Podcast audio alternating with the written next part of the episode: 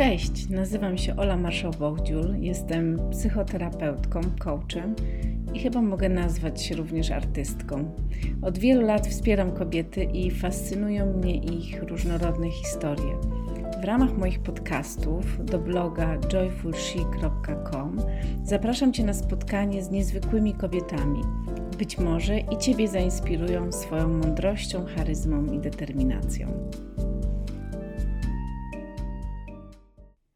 Dziś zapraszam Was na spotkanie z Martą Dębską.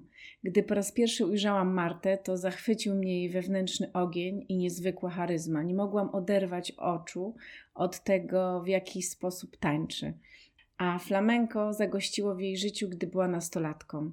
Zresztą nie będę Wam zdradzała zbyt wiele, sami posłuchajcie, jaka była jej droga i być może też poczujecie i pokochacie jej ognisty temperament.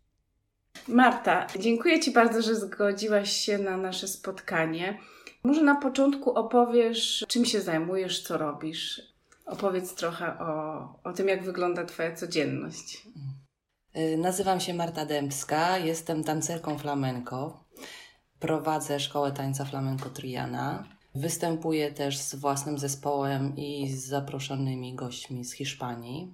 Tańcem flamenco zajęłam się, gdy miałam 15 lat. Już wcześniej tańczyłam taniec towarzyski na takim poziomie dosyć wyczynowym. Gdy trafiłam na flamenco, to był początek lat 90., więc to były czasy bardzo pionierskie pod każdym względem w naszym kraju. Nasz kraj się zmieniał bardzo i, i wszystko było takie improwizowane. Hiszpania była daleka, ja byłam nieletnia. Więc te początki były no, jak na dzikim zachodzie, czyli mhm. jak ktoś gdzieś pojechał na jakąś dwie lekcje, nauczył się dwóch kroków, to A... uczył wszystkich i tak w ten sposób powstała jakaś taka grupa takich no, tancerzy flamenco. Tancerzy i muzyków. Co ciekawe, spośród tych osób z tej pierwszej grupy prawie wszyscy nadal się zajmują flamenco. Mhm. To była tak silna pasja, tak silne emocje, że A... nas to naznaczyło. Ten pierwszy moment, kiedy zetknęłaś się z flamenco.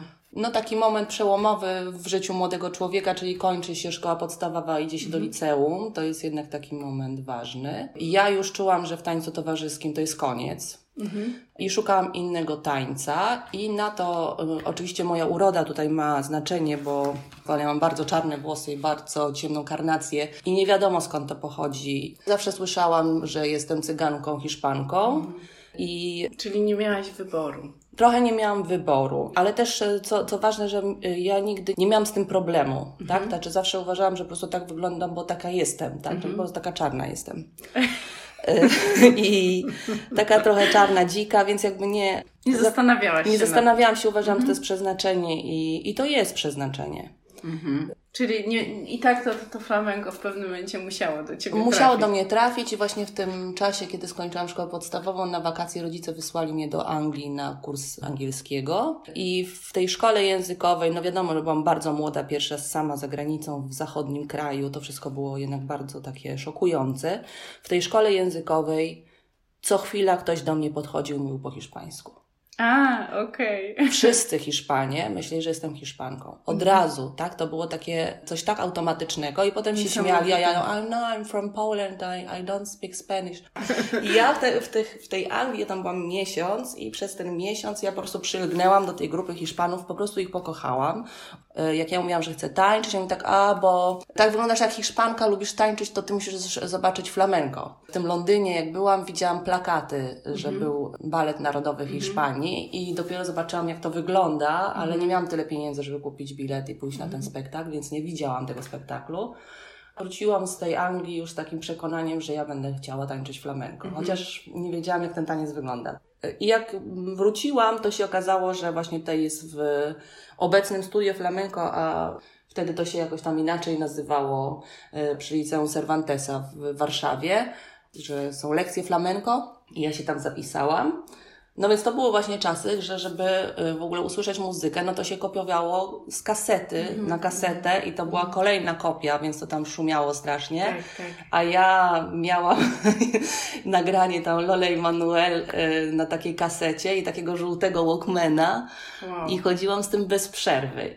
I jeszcze potem, rok później, znowu pojechałam do Anglii i już w takim przekonaniu, że ja coś umiem, bo umiałam sewilianę I wtedy taka jedna Hiszpanka mi podarowała kasetę z, z ostatnią płytą Camarona, który właśnie mm. umarł. I ona mm. powiedziała, on jest najlepszy, on jest najlepszy, to jest w ogóle mistrz i on właśnie umarł. I my wszyscy płakaliśmy, cała Hiszpania płakała. Mm. Aż mnie teraz ciarki tak. przeszły, jak to powiedziałaś. I ja włączyłam i ta muzyka była tak odjechana, była tak kompletnie od czapy, bo ja wcześniej y, słuchałam takich no, lżejszych utworów, tak, mm. takich łatwiejszych, a jednak Camaron, no to już są takie, nie powiem, że nie, nie wyżyny, ale głębiny w mhm. flamenko. Mhm. Więc dla mnie to był kompletny szok, bo ja najpierw w ogóle nie wiedziałam, co tam chodzi, ale ponieważ byłam przez ten znowu miesiąc w Anglii i z tym żółtym Walkmanem chodziłam mhm. przez miesiąc i po prostu się uzależniałam tej muzyki. Do czego zaprasza ta głębsza muzyka? Co tam jest? Do takiego kom kompletnego pozbycia się ubrania, otoczki, tak? Mm -hmm. Znaczy, że jednak e, flamenko, jak to się mówi, że rozdziera duszę. Znaczy ono mm -hmm naprawdę trafia w jakiś taki punkt najgłębszy, taki właśnie dziki, mm -hmm. taki bardzo pierwotny, mm -hmm. kiedy już y, oczywiście flamenko ma bardzo skomplikowaną formę i rytualną i tak dalej. Chodzi o to, że przez tę całą rozbudowaną formę trafiasz do czegoś najbardziej pierwotnego, mhm, mhm. takiego mhm. poza czego się nie da nazwać. Tak, ja nawet mam takie poczucie, że jak patrzę na flamenko, to te ruchy niektóre, właśnie to, o czym ty mówisz, ta rytualność, że to są naprawdę takie archetypowe, pierwotne ruchy, które jak je wykonujemy, kontaktują nas z czymś w nas, co jest takie właśnie... I ze światem, tak? I z takim jakimś przepływem naturalnych energii, jakichś takich i, i tych instynktów naszych tak. i, i że to się bardzo głęboko czuje. Mhm. I oni to nazywają duendę, powiedzmy, albo nie nazywają. Oni po prostu wiedzą o co chodzi. Mhm. Mhm.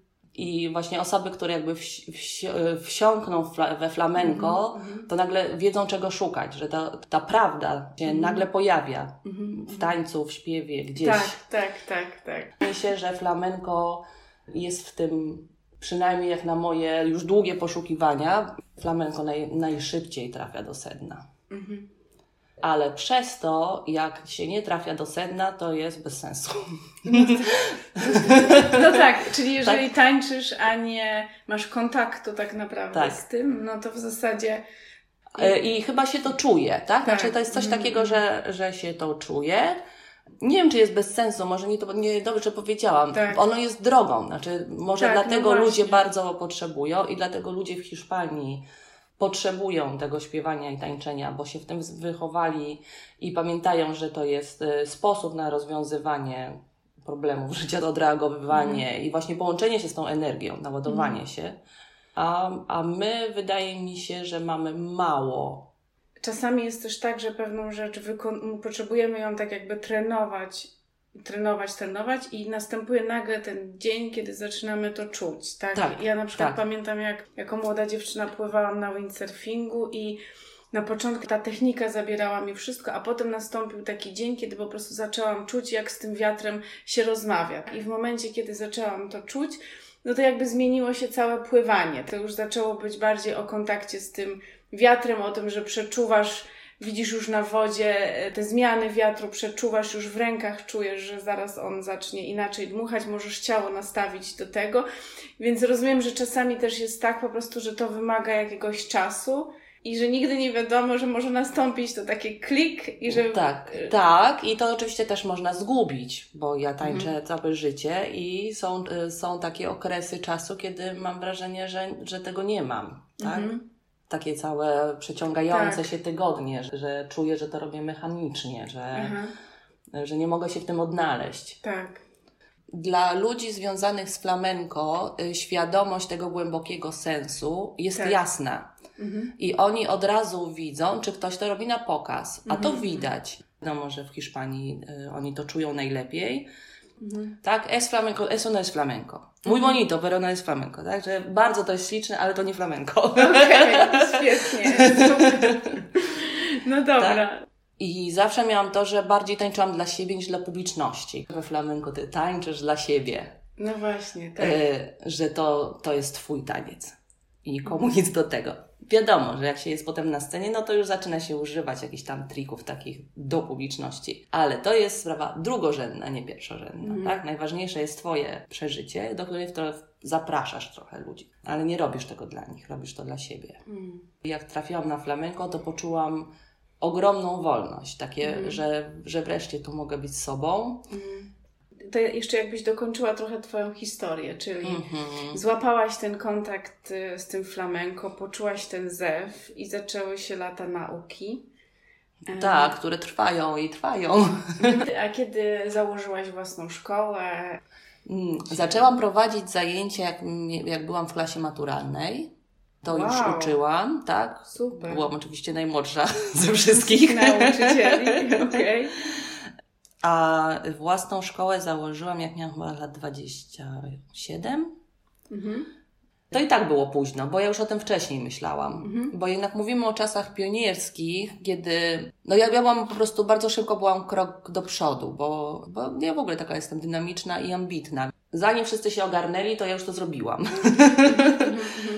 tak jak mówiłaś, że flamenko pozwala odkryć swoje mocne strony, to ja myślę, że też podążając pewną drogą, odkrywamy co, coraz to nowsze aspekty siebie i być może, mm. wiesz, jakby jedno to było odkryć tą duszę tego artysty, tancerza, a drugie to potem tego nauczyciela.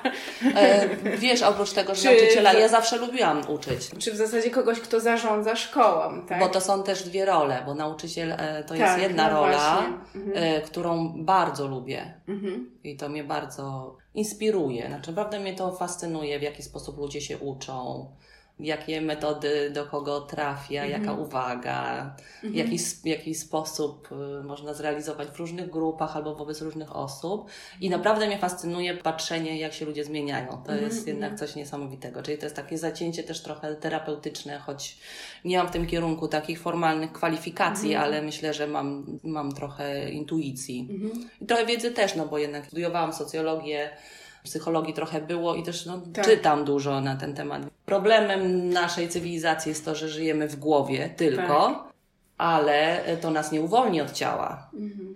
To ciało po prostu przyjdzie w, albo w postaci choroby, albo w postaci zaburzeń seksualnych, albo w postaci jakiejś nieakceptacji autoagresji, albo otyłości, albo czymkolwiek. Ciało jest naszą częścią i jakby problemy z ciałem się wiążą z tym, że jakby tego połączenia nie ma nie. i tego mhm. nas nasza kultura nie uczy. Nie I to jest uczy. uwaga, właśnie w Hiszpanii oni to mają na zupełnie innym poziomie. Mhm. Na zupełnie innym poziomie. Tam po prostu ludzie nie są zaburzeni. Oni żyją w swoim ciele. Mhm co widać w sposobie, w jakim się śmieją, w jakim poruszają mhm. się, jak mówią, mhm. jak tańczą, że nie mają żadnego problemu z tym, żeby po prostu tańczyć. Mhm. Tak? A u nas, a ja nie umiem tańczyć, o nie, tylko nie taniec. Nikt tam nie ma problemu, żeby coś zaśpiewać, bo śpiewanie jest naturalnym odruchem. Wszystkie dzieci tańczą i śpiewają i dorośli tam też tańczą i śpiewają. Inaczej się śmieją, inaczej mówią, inny mają układ twarzy, inaczej się starzeją, bo ta twarz jest zrelaksowana. To zatrzymałyśmy się w tym momencie, kiedy zakładasz szkołę i no i teraz już od wielu lat y, tą szkołę prowadzisz. Ile to już jest lat w sumie? No 20. Wow. To jest bardzo fajna i ciekawa praca. Mhm.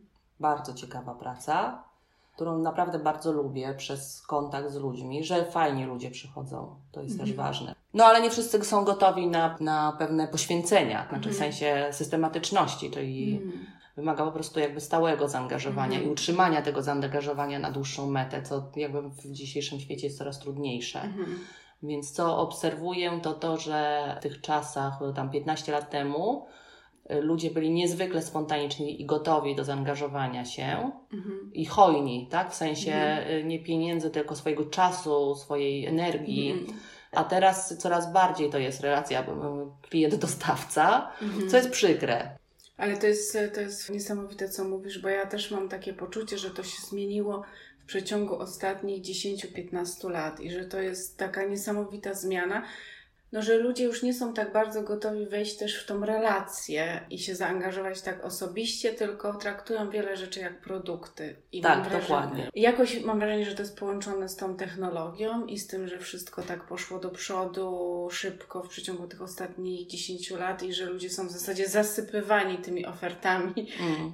tych produktów i że też to tempo życia naprawdę jakoś się niezwykle z, przez to zwiększyło na pewno jest tak, że obecnie w szkole y, trzon tej szkoły stanowią osoby, które tańczą 10 lat co najmniej. Mm, Super. albo dłużej. Mhm. Bo to są osoby, które wtedy właśnie, kiedy ta energia była, energia świata była inna i energia Tak. wśród ludzi była inna, się zaangażowały i uznały, że to jest moja droga. Mhm. Mhm. Jednym dobrze wychodzi, innym wychodzi beznadziejnie. Mhm. Nigdy nie będą dobrze tańczyć, ale uważają, że to jest ich droga i to coś wnosi do ich życia i Tak. wnosi. Widać po prostu, jak oni się rozwijają Mhm. i jak przełamują różne swoje jakieś tam niedociągnięcia. W każdym razie y, ludzie się niesamowicie rozwijają i uważają, że, że flamenko jest ich drogą do, no do siebie, do jakiegoś tam mm, bycia sobą. Bardzo ciężko jest w tej chwili znaleźć osoby, które są od nowa gotowe się w to zaangażować. Mhm. I ten za- zapał teraz jest dużo bardziej słomiany, Mhm. Mhm. jeżeli w ogóle jest. Mhm. Więc to jest takie trochę przykre. Każdy musi z siebie coś dać, żeby Mhm. coś powstało. I jeżeli Mhm. już tak trafisz do takiej grupy, że to już tam zostań, że czujesz, że po prostu, że każdy coś z siebie daje i że jakaś taka wytwarza się magia.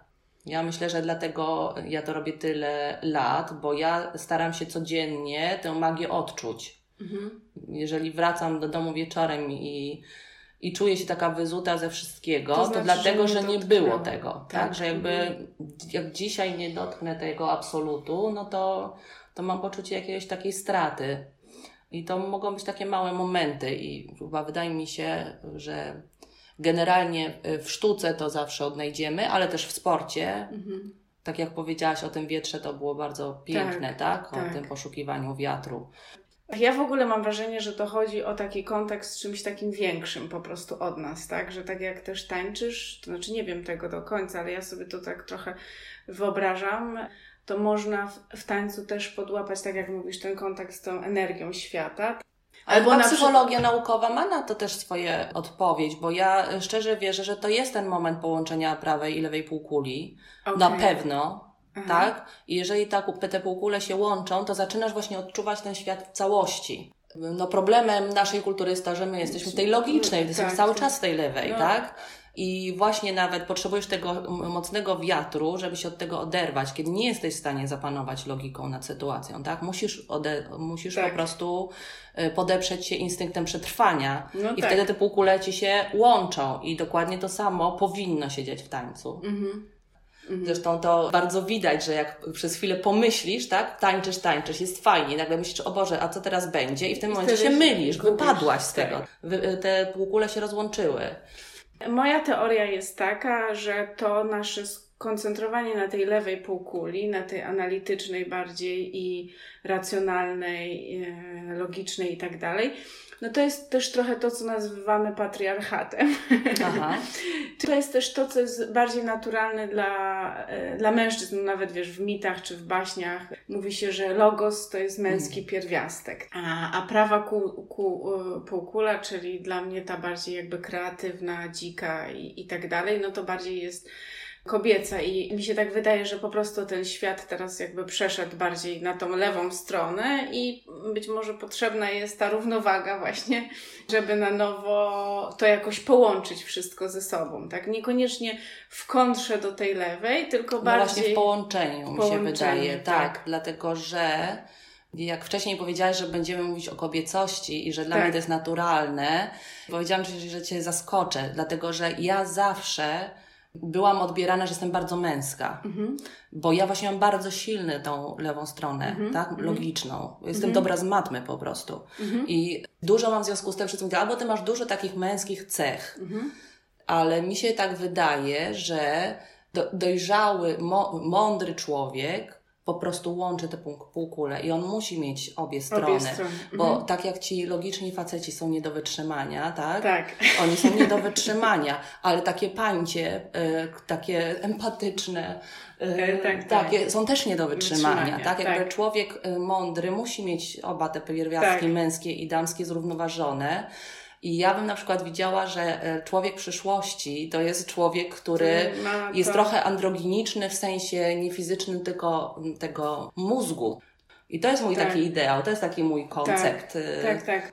Teraz w ogóle się zastanowiłam nad tym, że może w ogóle ta tęsknota za tą jakby kobiecością, czy za tym, żeby kobiety jakoś pełniły większą rolę w społeczeństwie i tak dalej, że to jest też tak naprawdę ta tęsknota właśnie dokładnie za tym kontaktem bardziej z ciałem, za tą jakby drugą półkulą. Tak, za tą pełnią. za tą pełnią, dokładnie.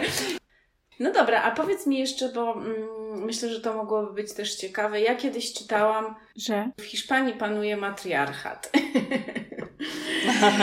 I że jakoś tam to jest normalne, że kobiety mają tą swoją pozycję i one w ogóle też nie mają takiego poczucia, że muszą o cokolwiek walczyć i że jakoś to mają to we krwi, czego jakoś nie ma do końca w Europie, nie wiem, zachodniej, wschodniej już chyba tym bardziej. Jak, jak ty to czujesz i jak myślisz, na czym to polega? Też to tak odczuwam. Mhm.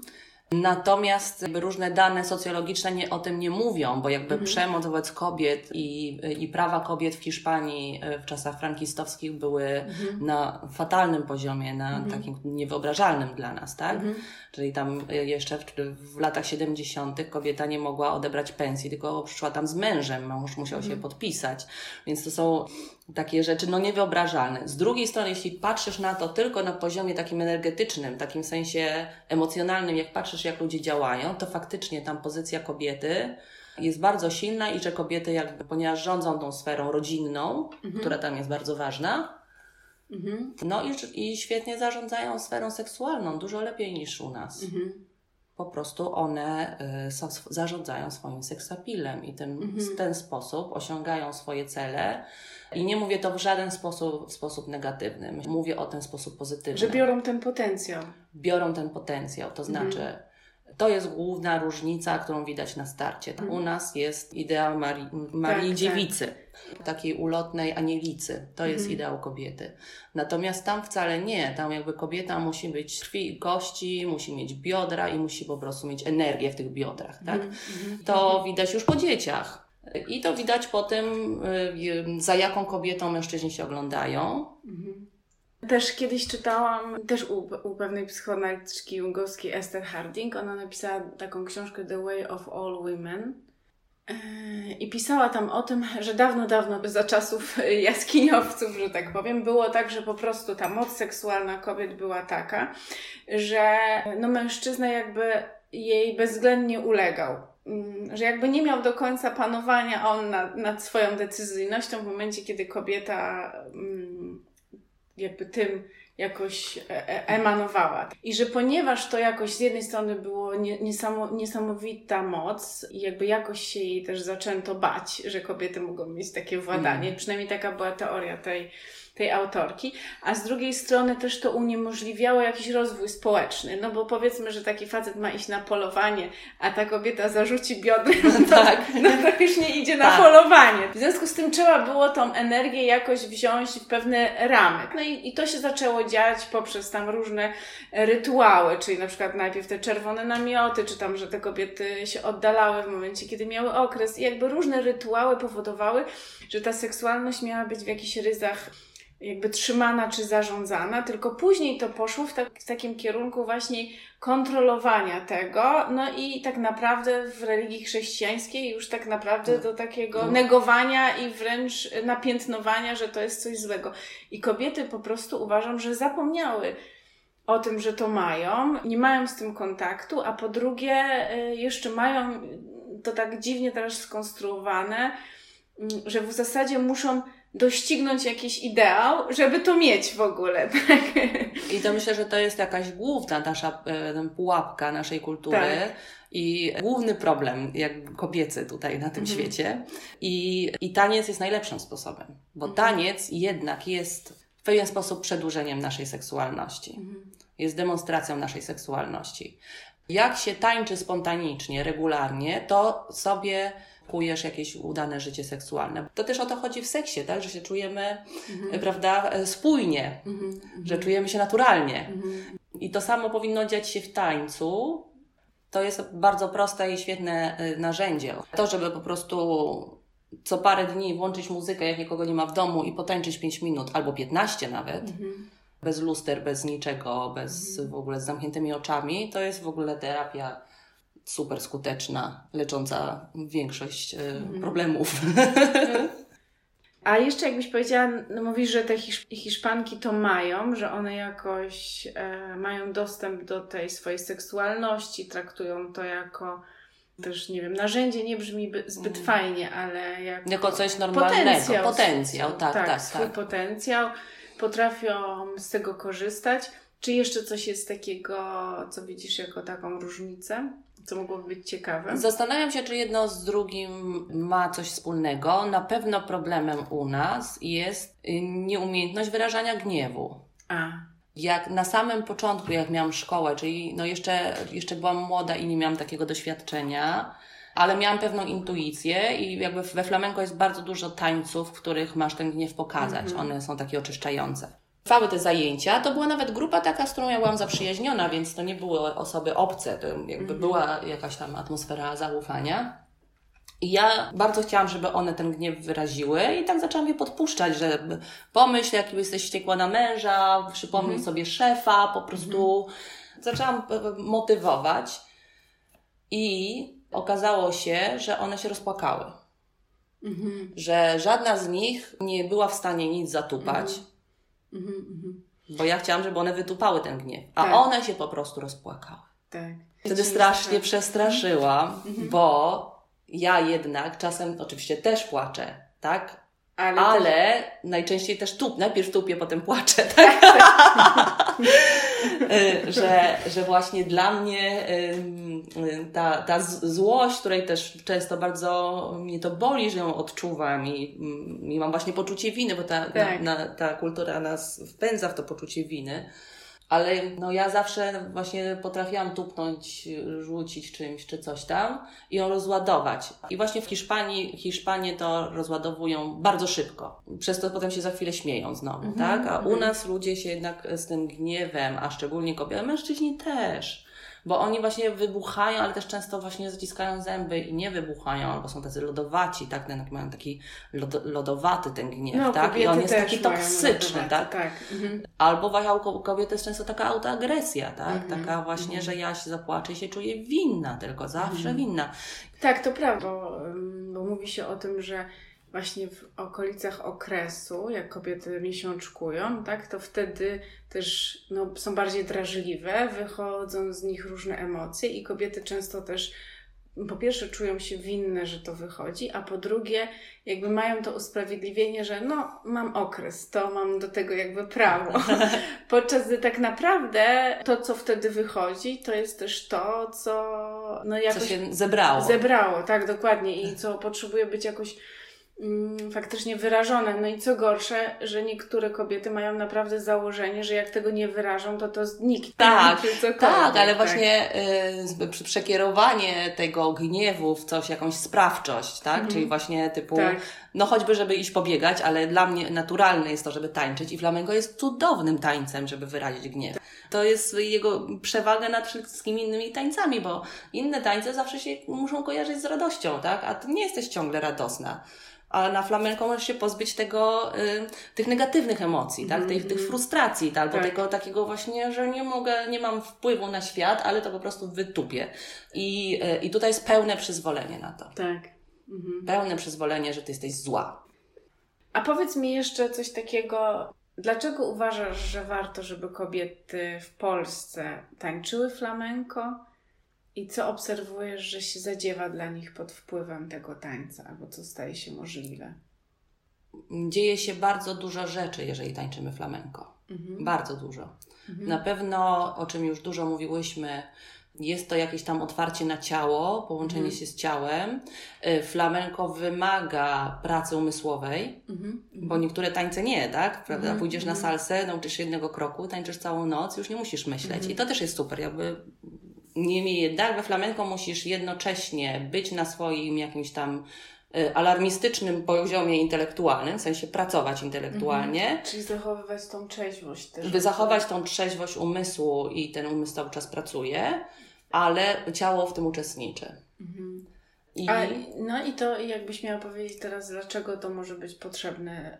myślę, że jest bardzo niezwykle rozwijające, niezwykle Mhm. rozwijające. Myślę, że ma wpływ y, na ciało na pewno też, ale przede wszystkim widzę, że dziewczynom, które tańczą, daje im poczucie pewności siebie, sprawczości, opanowanie, tak, ponieważ mogą tych emocji negatywnych się pozbyć na sali, więc y, są bardziej opanowane i stanowcze w życiu. Mhm. I to chyba jest ten problem generalnie kobiet, tak, że nie, nie, są, nie stawiają na swoim. Mhm, mhm, A to bardzo pomaga i bardzo y, wpływa. Poza tym to jest no, takie psychologiczne, psychologiczne działanie bardzo dużo. Z drugiej strony osoby ekstrawertyczne muszą się trochę przytemperować. To był na przykład mój przypadek, bo ja jestem bardzo ekstrawertyczna i bardzo pewna siebie z natury. Mm -hmm, A tutaj po prostu się okazało, że, y, że ja muszę jednak kontrolować, muszę się czegoś nauczyć, mm -hmm, że nie mhm. zawsze mi wychodzi, a wszystko inne mi zawsze wychodziło, mm -hmm. że trzeba trochę tę, tę energię skupić, tak? Nie ona nie może być rozproszona. Tak, tak.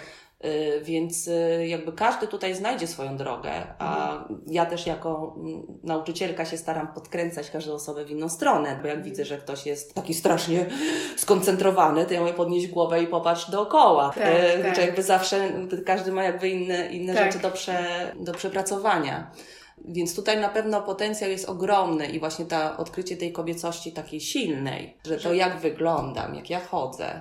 Mhm jak ja stoję i jak ja patrzę na innych ludzi, to, to sytuuje mnie też gdzieś, tak? Mhm. Daje tak. mi punkt startu. Tak, inny. Tak. Jak idziesz prosto, patrzysz w oczy i masz tak. głowę wysoko i spokojnie oddychasz, to startujesz z zupełnie innego poziomu niż ktoś, kto jest y, spięty.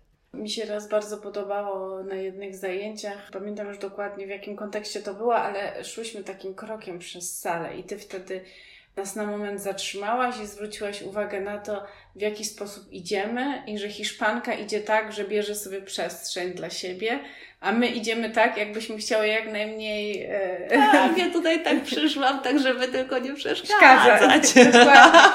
I tak mi się bardzo to spodobało, no bo to było, jakby to powiedzieć, bardzo namacalne, bo działo się tu i teraz i naprawdę można było to wtedy zobaczyć e, o sobie samym zmiana też tego sposobu chodzenia naprawdę zmienia od razu Twój sposób bycia i jakoś naprawdę możesz sobie to trochę na sucho przetrenować i jakoś wychodzisz wtedy inaczej z tych zajęć, już może bardziej z takim poczuciem, że naprawdę masz prawo do tego, żeby zabierać sobie tą przestrzeń. Ale nie czujesz tego, że jak potańczysz, wracasz do domu i tak jakby masz dużo większą energię, energię tak? tak? Że jesteś gotowa po prostu, proszę bardzo, ty tutaj, ty posprzątaj, tak? tak, I, tak, tak, I to robisz grzecznie, spokojnie, bez frustracji w ogóle. Tak, tak, tak, e, to prawda. Ale właśnie chciałam Ciebie jeszcze zapytać, patrząc na Twoją drogę i na to branie sobie przestrzeni, czy masz jakieś plany na przyszłość? Coś chcesz się w jakąś stronę rozwijać dalej? Czy masz takie poczucie, że to już jest to, co masz i że teraz chcesz to po prostu pielęgnować? Jak to wygląda? Jedno i drugie. Na mhm. pewno to, co mam, to chcę pielęgnować, bo mhm bo to na pewno jest moja droga, właśnie wszystko, co jest połączeniem ciała i umysłu, mnie zawsze mhm. będzie fascynować. Uważam, że jest clue mhm. takiego naszego rozumienia świata i bycia. Ale na pewno moim niespełnieniem jest śpiewanie. Po prostu do tańca mam więcej talentu, ale uwielbiam śpiewać i uważam, że śpiewanie jest, mm, tak jak taniec, jest takim czymś wielkim. Mhm. takim, e, takim czymś wspaniałym, co e, chciałabym, żeby. Znaczy, i tak jest obecne w moim życiu, bo cały czas sobie w samochodzie sobie śpiewam, ale i na zajęciach śpiewam, ale chciałabym to robić coraz lepiej. I mam jednak po takich długich latach, kiedy więcej było tego życia w ciele, mam pewne takie niespełnienie intelektualne. Mhm. Bo właśnie ja byłam jednak w, zawsze w szkole, byłam prymuską i, i po prostu lubię się uczyć bardzo. I, więc chciałabym jeszcze czegoś dokonać takiego, nauczyć się jakichś zupełnie nowych rzeczy. Mhm. Żeby mieć też taką pracę intelektualną, intelektualną i być takim, takim mózgowcem. Mhm. Więc to jest mój plan na, na, na późne kolejne. życie, tak, znaczy na późniejsze, a teraz mhm. po prostu się tak douczam się. Ale nigdy nie przestanę tańczyć i śpiewać, słuchajcie. Mhm. Nie, nigdy, w ogóle nie mam mowy. Mhm. Takie mi kusi mnie, żeby zadać Ci jedno pytanie. Jak nie będziesz na nie znała odpowiedzi, to nie ma problemu, ale jakoś przyszło mi do głowy, jak powiedziałaś o tym śpiewaniu. Jak myślisz o tym śpiewaniu, czy jest jakaś pieśń, którą chciałabyś wyśpiewać? Wiesz, coś takiego, co pragnie się wyrazić? Czy to jest w ogóle o przyjemności ze śpiewania, czy na przykład czujesz, że Um, Czemuś chciała być da, dać w ten sposób wyraz czy głos? Znaczy po prostu bardzo mnie fascynuje śpiew flamenco, bo on jest śpiewem właśnie, który odwołuje się do tego zwierzęcego e, krzyku. Aha. Tak, jak... Odgłosu zwierzęcego. Człowiek pierwotny to umie zrobić, człowiek cywilizowany nie umie tego zrobić. Musi przejść całą wieloletnią terapię, żeby krzyknąć. Tak? tak. Flamenkosi to mają. Dla większości osób z naszej kultury tego się nie da słuchać. Mhm. Są osoby, do których to trafia. Mhm. I wtedy one się, one się wciągają we flamenko, tak? E, czyli jakby można, można by trochę powiedzieć, że twoje wewnętrzne zwierzę chce krzyczeć. Tak, moje wewnętrzne Albo zwierzę chce to... słyszeć i krzyczeć i ono po prostu chce być normalnie. Mhm. Tak? Walczy o swoje prawa, jak... Super, jak LGBT i w ogóle Ciekawa wszyscy, jestem, tak? jakie to jest zwierzę. Flamenko myślę, że no śpiew, śpiew flamenko jest naj, największym wynalazkiem cywilizacyjnym, że przetrwał przez wszystkie te, ten czas, kiedy tak, wszystko zostało o, tak. wszystko zostało już wygładzone i wypolerowane, a śpiew flamenko nie. Ja faktycznie też mam takie poczucie, jak kontakt z tym flamenko jest, jest kontaktem z czymś bardzo pradawnym, co właśnie nie zostało no, tak jak nawet mamy baśnie i one ma, miały kiedyś swoją pierwotną wersję, a to, co teraz słyszymy często jest właśnie taką już wersją light. Light, tak. No to mam wrażenie, że we flamenco pozostało dużo tego ducha takiego naprawdę z ziemi, tak? tak tego tak. takiego pierwotnego. Super. Mm. Zdarza mi się, że, tego, że doznaję tego ja osobiście, mhm. ale powiedzmy, jak słucham nagrania, to słyszę jeszcze, już wtedy słyszę, że to zahamowanie, Panie. tak? Mhm. Ta pełna prawda jeszcze jest daleko przede mną. Mhm. No, ale to jest też mój cel. No dobra, życiowy. będziemy czekać na pełną prawdę. Nie, mówię, mówię to, trochę żartuję, no. ale mówię to z takim realnym zaciekawieniem, bo ja myślę, że jakby ten głos duszy jak się jakoś wyraża, to naprawdę to jest niesamowite, tak, żeby, żeby to jakoś usłyszeć. E. No to jest tak jakby, tak jakby cię taka, tak, e, taki gejzer wewnętrzny mm-hmm. nagle czujesz, tak? Mm-hmm. Że tak jakby mhm. tryskasz tą energią na po prostu na niesamowitą odległość mm-hmm. i ona tak po prostu tylko wzbiera i tryska. Mhm. Zastanawiam się, czy coś jeszcze w ogóle, bo już e, chyba nie ma nic większego niż gejzer energetyczny. Dobra, Marta, dziękuję Ci bardzo. Mm. Oczywiście zapraszamy wszystkich do tego, których jakoś flamenko zaintrygowało, zafascynowało, żeby wybrali się na Twoją stronę. Linki i wszystko oczywiście będzie na stronie, tam gdzie będzie podcast u udostępniony, więc można tam sobie zobaczyć, poczytać. E, szkoła się nazywa Triana, mieści się w Warszawie, w Warszawie przy ulicy Łazienkowskiej. Łazienkowska 7, zapraszamy. Tak. www.triana.pl, tam są wszystkie informacje. Dokładnie. Dzięki bardzo, Marta. Dzięki. Dziękuję Wam za wspólną podróż. Mam nadzieję, że była dla Was ciekawa i inspirująca. Zapraszam Was na mojego bloga joyfulshe.com i mam nadzieję do usłyszenia przy okazji kolejnego odcinka.